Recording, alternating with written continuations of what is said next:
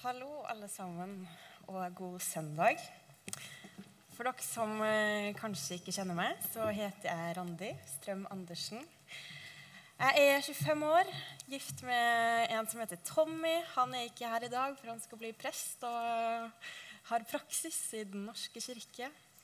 Eh, vi flytta i januar i fjor til Tømmerstø, eh, litt utafor byen her. Eh, og jeg er ungleder her i Misjonshuset, altså leder for MUF. Og ved siden av det så studerer jeg sjelesorg på VID i Oslo. Litt om meg. Dagen i dag kalles for bots- og bønnedag.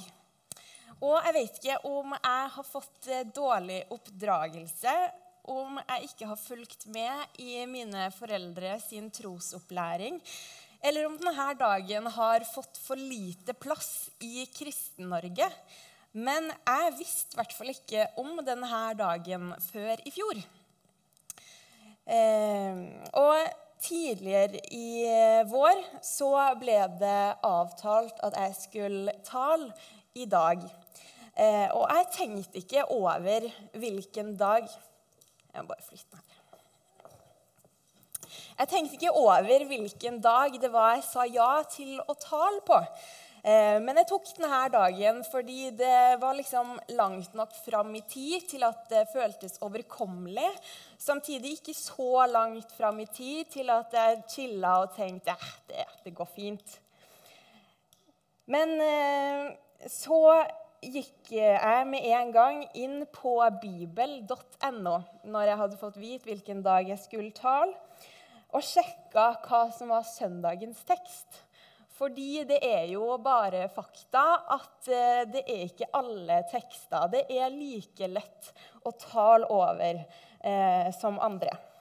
Men så sjekka jeg, og så så jeg at det var bots- og bønnedag. Og det lærte jo jeg om på studiet i fjor. Og det var noe jeg fikk sansen for.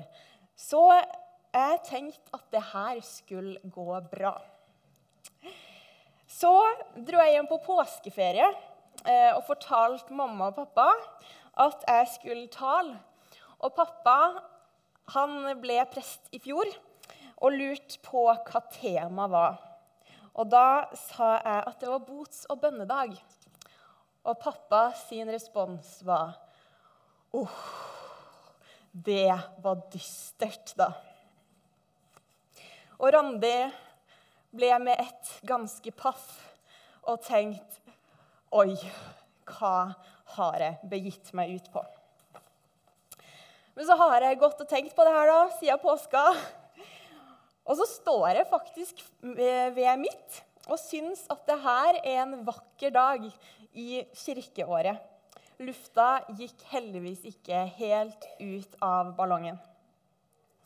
Det er ikke ofte jeg føler at søndagens tekster er tydelige og snakker for seg sjøl. Men da jeg satte meg ned og leste dagens tekster, så opplevde jeg at tekstene til sammen var en slags oppsummering av Bibelens budskap. Derfor ønsker jeg å løfte fram dagens bibeltekster og forhåpentligvis la dem snakke litt for seg sjøl. Men jeg skal selvfølgelig også snakke litt rundt dem og forhåpentligvis sette i gang noen refleksjoner. Først så vil jeg lese det som står i dagens evangelietekst, som står i Lukasevangeliet, kapittel 18, vers 9-14. Der står det til noen som stolte på at de selv var rettferdige og så ned på alle andre, fortalte Jesus denne lignelsen. To menn gikk opp til tempelet for å be. Den ene var fariseer, og den andre toller. Fariseeren stilte seg opp for seg selv og ba slik.: Gud, jeg takker deg for at jeg ikke er som andre mennesker de som svindler, gjør urett og bryter ekteskapet. Eller som den tolleren der. Jeg faster to ganger i uken og gir tiende av alt jeg eier, alt jeg tjener.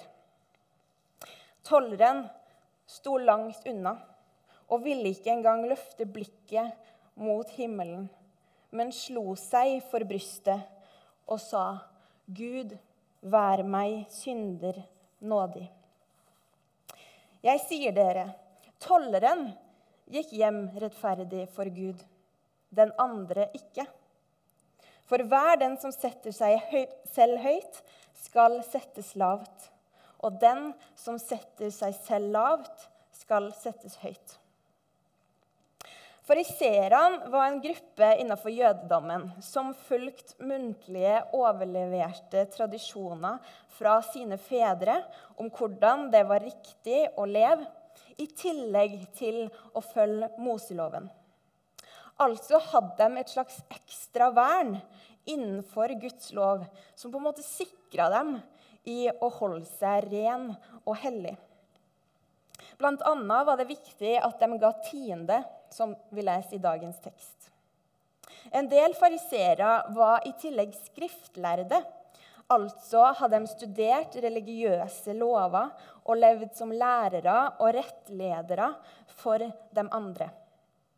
Altså hadde flere av fariseerne en del makt i samfunnet fordi de satt med kunnskap som ikke alle andre hadde. En toller derimot, var en person som jobba med å ta imot betaling, eventuelt kreve betaling, fra folk som ferda rundt omkring i Romerriket. For romerne krevde at folk skulle betale for å transportere varer eller ferdes over grensa inn i byer eller over eller under broer. Og noen hadde da som jobb å ta imot de her betalingene. Om noen jøder tok på seg jobben som toller, så ble de regna som uren fordi de jobba for de hedenske makthaverne. Og flere av tollerne ble frista til å kreve mer penger enn de egentlig skulle, fordi da kunne de ta det i egen lomme. Noen kjenner kanskje igjen det her fra fortellingen om Sakkeus. Og vi vet også at evangelisten og disippelen Matteus var toller før han møtte Jesus. Og på hierarkiet så sto tollerne på samme sted som syndere. Men vi ser i dagens tekst at begge de her mennene gikk til tempelet for å be. Både fariseeren og tolleren. For tempelet var bønnens hus. Dit, folk, dit folk gikk hvis de skulle be. Uansett hvem han var. Og Fariseeren stilte seg foran Gud i stolthet og med heva hode. Og han takka for at han var så mye bedre enn alle andre, og skrøyt over alt det gode han gjorde. Så var det tolleren, da. Han eh, stilte seg også foran Gud, men makta ikke å løfte hodet, for han visste hvor mye galt han hadde gjort. Men han stilte seg likevel foran Gud og ba Gud om å vise han nåde. Så står det at tolleren gikk hjem rettferdig for Gud, mens fariseeren ikke gjorde det. Og hvordan kan det ha seg? Fariseeren hadde jo gjort så mye bra, gjort mye godt og fulgt loven. Tolleren derimot, alle visste jo at han ikke var rettferdig. Rettferdig er et ord jeg syns eh, det kan være vanskelig å forstå i eh, bibelsk sammenheng. Og det kan ha litt forskjellig betydning. Men det kan bl.a. handle om at forholdet mellom to parter er rett. Det ligger ikke noe imellom og skurrer, men det er ordna opp, og ingen er skyldig i noe. Det kan også handle om at Gud ser på noen som rettferdig, at man lever slik Gud ønsker det. Altså står det at tollerens forhold til Gud var rett, og han hadde gjort opp for seg, mens fariseeren ikke hadde gjort det. Til tross for at det tilsynelatende ser ut til at han ikke har gjort noe galt. Bots- og bededag eh, handler om anger og omvendelse. Og Jeg kan forstå at denne dagen ikke er populær for alle. For jeg tviler ikke på at denne dagen eh, kan ha blitt brukt til å skape mye frykt knytta til alt det gale man har gjort, og at mange kan ha fått et vanskelig forhold til tro. Fordi forkynnelse har fokusert for masse på alt man har gjort urett overfor Gud, og det er noe Gud skal straffe. Og For mange kan nok dette være en vanskelig dag eller et vanskelig tema, fordi det er krevende å skulle face og skulle innse eh, det onde i oss, synden, det vi gjør urett. For det er det jo. Men poenget med denne dagen er ikke at vi skal vasse i våre egne feil og mangler. Poenget er at vi skal venne oss til Gud og få en tett og god relasjon til Han. Men for å få nettopp det, så må vi rette opp i alt det som ligger imellom, og forstyrre. Og vi må ha et bilde av at Gud er en Gud som tåler våre feil og mangler. Sjøl har jeg opplevd eh, lignende situasjoner med noen av mine beste venner, og ikke minst med mannen min. Når det gjelder mine venner, så eh, har vi kanskje hatt et nært og godt forhold. Men så skjer det et eller annet som gjør, gjør at vennskapet blir vanskelig. Kanskje gjør det til at vi ikke møtes så ofte. Kanskje har det skjedd noe vondt som gjør det vanskelig å skulle være helt seg sjøl, åpen og ærlig. Så har det gått lang tid, og jeg lurer på skal jeg gjøre noe, skal jeg ikke gjøre noe. Skal jeg bare la det gå? Nei, fordi det som skjer, er at det ligger jo bare der og skurrer. Og det er ubehagelig. Jeg er ikke helt meg sjøl, og vennskapet er ikke så bra som det kunne ha vært. Eller så kanskje brytes kontakten. I sånne situasjoner har en av oss til slutt tatt kontakt og sagt 'Kan vi prate?' Og så har vi retta ting opp igjen. Vi har vært ærlige om det som har vært vanskelig. Noen har sagt unnskyld, og vi har sletta det vonde mellom oss. Kontakten har blitt gjenoppretta. Og hvor godt er ikke det? Det er fantastisk når det vonde legges bak, og det nære, gode, ærlige forholdet blir gjenoppretta. Og det er det denne dagen handler om. Bare at ditt forhold til Gud og det som skurrer mellom deg og Gud, betyr så ufattelig mye mer i det lange løp enn det som kanskje skurrer mellom deg og en god venn. Fordi det her handler om liv og død. Dagens tekst fra Gamletestamentet står i Jesaja kapittel 59, vers 1-4. Der står det.: Se, Herrens hånd er ikke for kort til å frelse, og hans øre er ikke for tungt til å høre. Nei, det er skylden som skiller dere fra, Gud, fra deres Gud. Syndene deres skjuler ansiktet hans, så han ikke hører dere. For hendene deres er tilsølt av blod, og fingrene av skyld.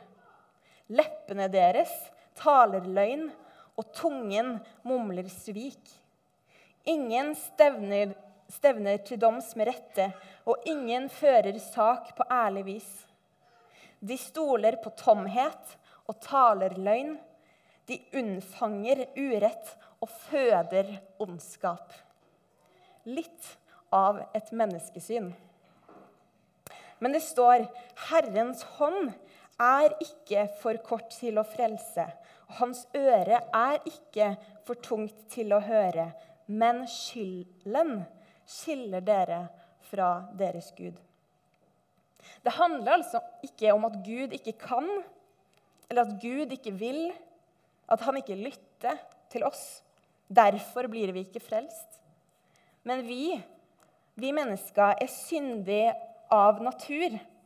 Og denne synden ødelegger vårt forhold til Gud. Vi er skyldige, vi lyver, vi svikter, og dette skiller oss fra Gud. Derfor må vi ta et oppgjør med synden i oss.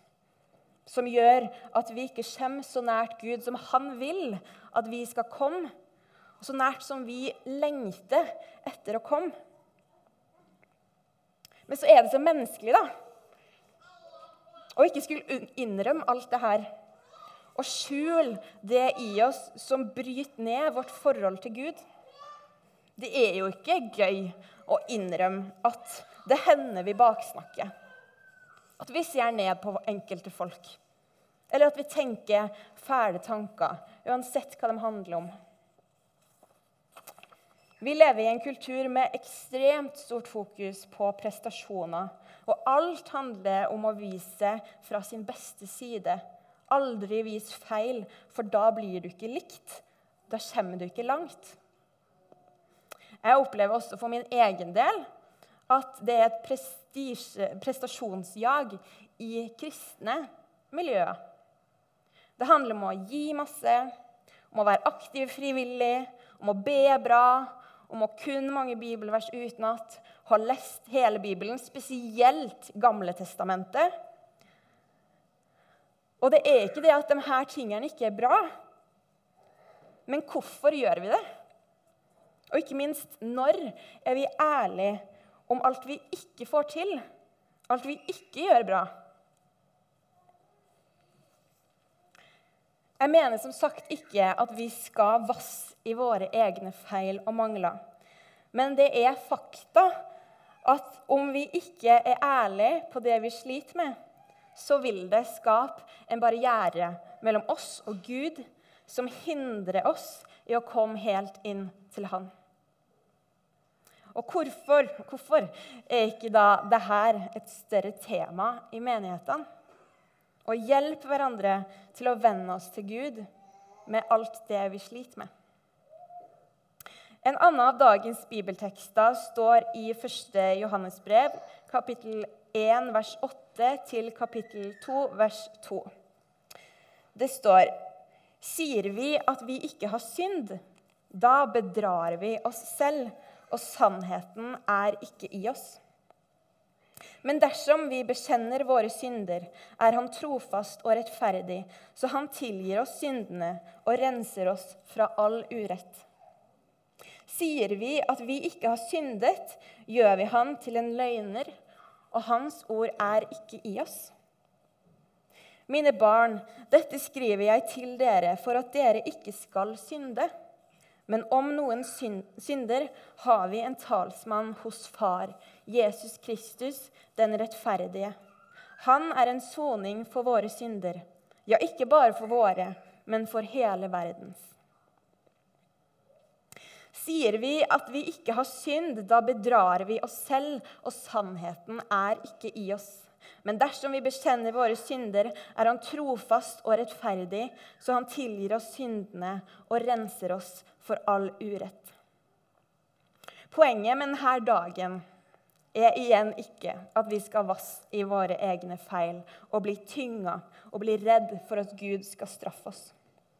Men vi skal få lov til å stille oss blottlagt fram for Gud, slik at Han kan ta imot oss akkurat sånn som vi er. Dersom vi bekjenner våre synder, er Han trofast og rettferdig, så Han tilgir oss syndene og renser oss for all urett.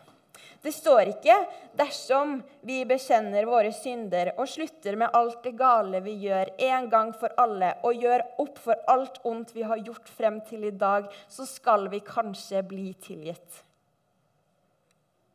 Men dersom vi bekjenner, så tilgir Han og rense oss for all urett, for Han er trofast og rettferdig. Vi trenger bare å bekjenne til Han, og det handler om å venne seg til Han i total ærlighet, så vil Han tilgi. Jeg hadde tenkt å spørre dere om hvem som er fariseere i dag. I Kristiansand 2021 hvem er fariseere? Dere skal få slippe å svare. Eh, mitt svar er at eh, jeg tror sannheten er at vi alle egentlig er som denne fariseeren en gang iblant. Kanskje trolig oftere enn vi ønsker å innrømme. Jeg tar meg sjøl i det av og til at nå satte jeg meg sjøl høyt i stedet for å ære Gud. Kanskje handler det om at jeg prøver å hevde meg på områder der jeg er sårbar. Jeg tror for min del er det ofte det. Så kjenner jeg ikke bare lysten til det onde i mitt hjerte, som eh, vi kan si i en synsbekjennelse. Men jeg gjør det onde. Jeg tenker det onde. Men det fine er jo når man faktisk tar seg sjøl i det.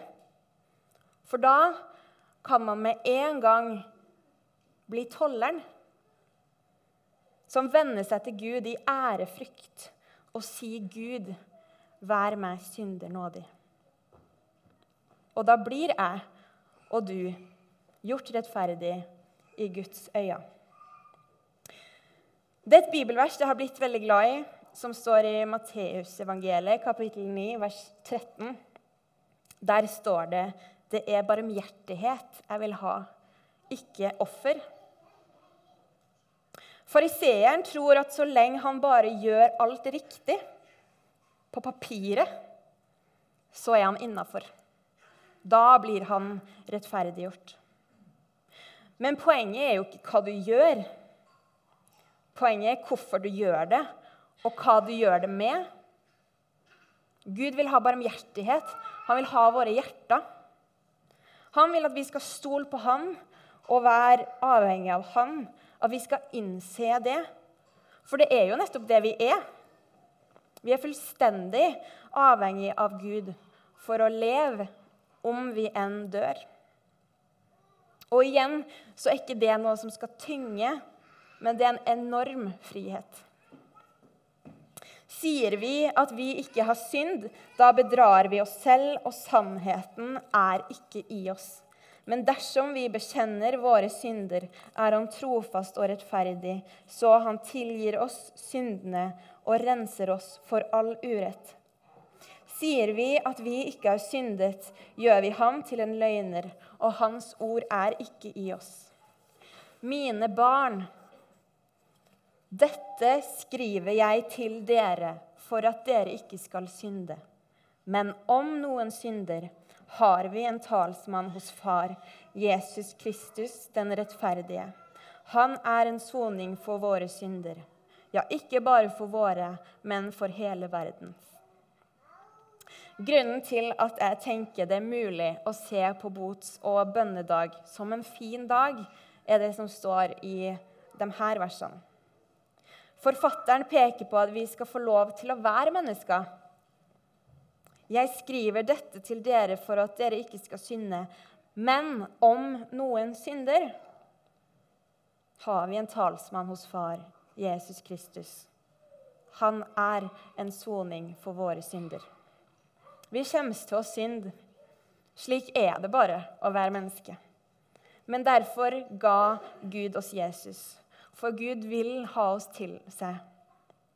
Han er nådig Gud som ga oss Jesus, sin egen sønn, som tok vår straff.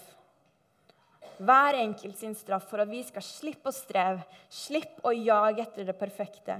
For det går ikke, og det vet Gud så ufattelig godt.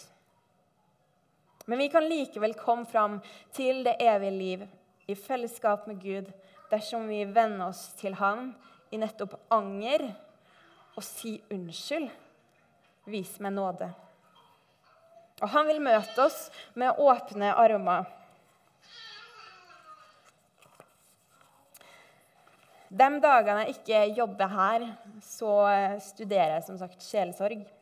Og i går, satt, eh, nei, på fredag, satt jeg og leste i en pensumbok som heter 'Når glassflaten brister'. Der sto det en setning som jeg syns passa så godt til denne dagen og som sier noe om styrken som ligger i det å venne seg til Gud. Styrken vi kan få.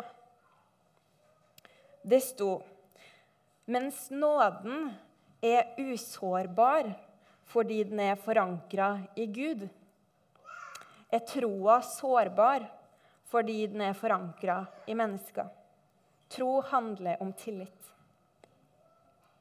Og tillit det er noe som må bygges opp av å ha opplevd gode ting fra andre mennesker, eventuelt å ha unngått å oppleve vonde ting fra andre mennesker. Nåden, den er der, for den er fra Gud. Og han er trofast og rettferdig. Og han tilgir om vi bekjenner våre synder. Slik er det bare. Det står i Bibelen svart på hvitt. Men usikkerheten rundt omvendelse handler da kanskje mer om din tillit til Gud, som kan handle om vonde erfaringer som har brutt din tillit til andre mennesker. Men det her kan jobbes med. Denne tilliten kan bygges opp. Eventuelt at du kan skille mellom tillit til en evig og trofast Gud fra en tillit til andre syndige mennesker. Om du ikke ser storheten i omvendelse, om du ikke tror at Gud er en nådig, trofast, rettferdig og ikke minst kjærlig Gud, så anbefaler jeg deg å snakke med noen om det. For det står i Bibelen og da tror jeg at det er sant. Og jeg, som det mennesket jeg er, så trenger jeg virkelig å tro at det er sant for å takle dette livet. Det står ikke på Gud. Han vil, og han kan. Men vi må være oppriktige med Han. Vi må venne oss til Han og akseptere at vi er full av feil og fullstendig avhengig av Han. Da mottar vi den nåden som ingen og ingenting kan ødelegge. Og det håper jeg at vi kan øve oss på sammen og venne oss til Gud i oppriktighet.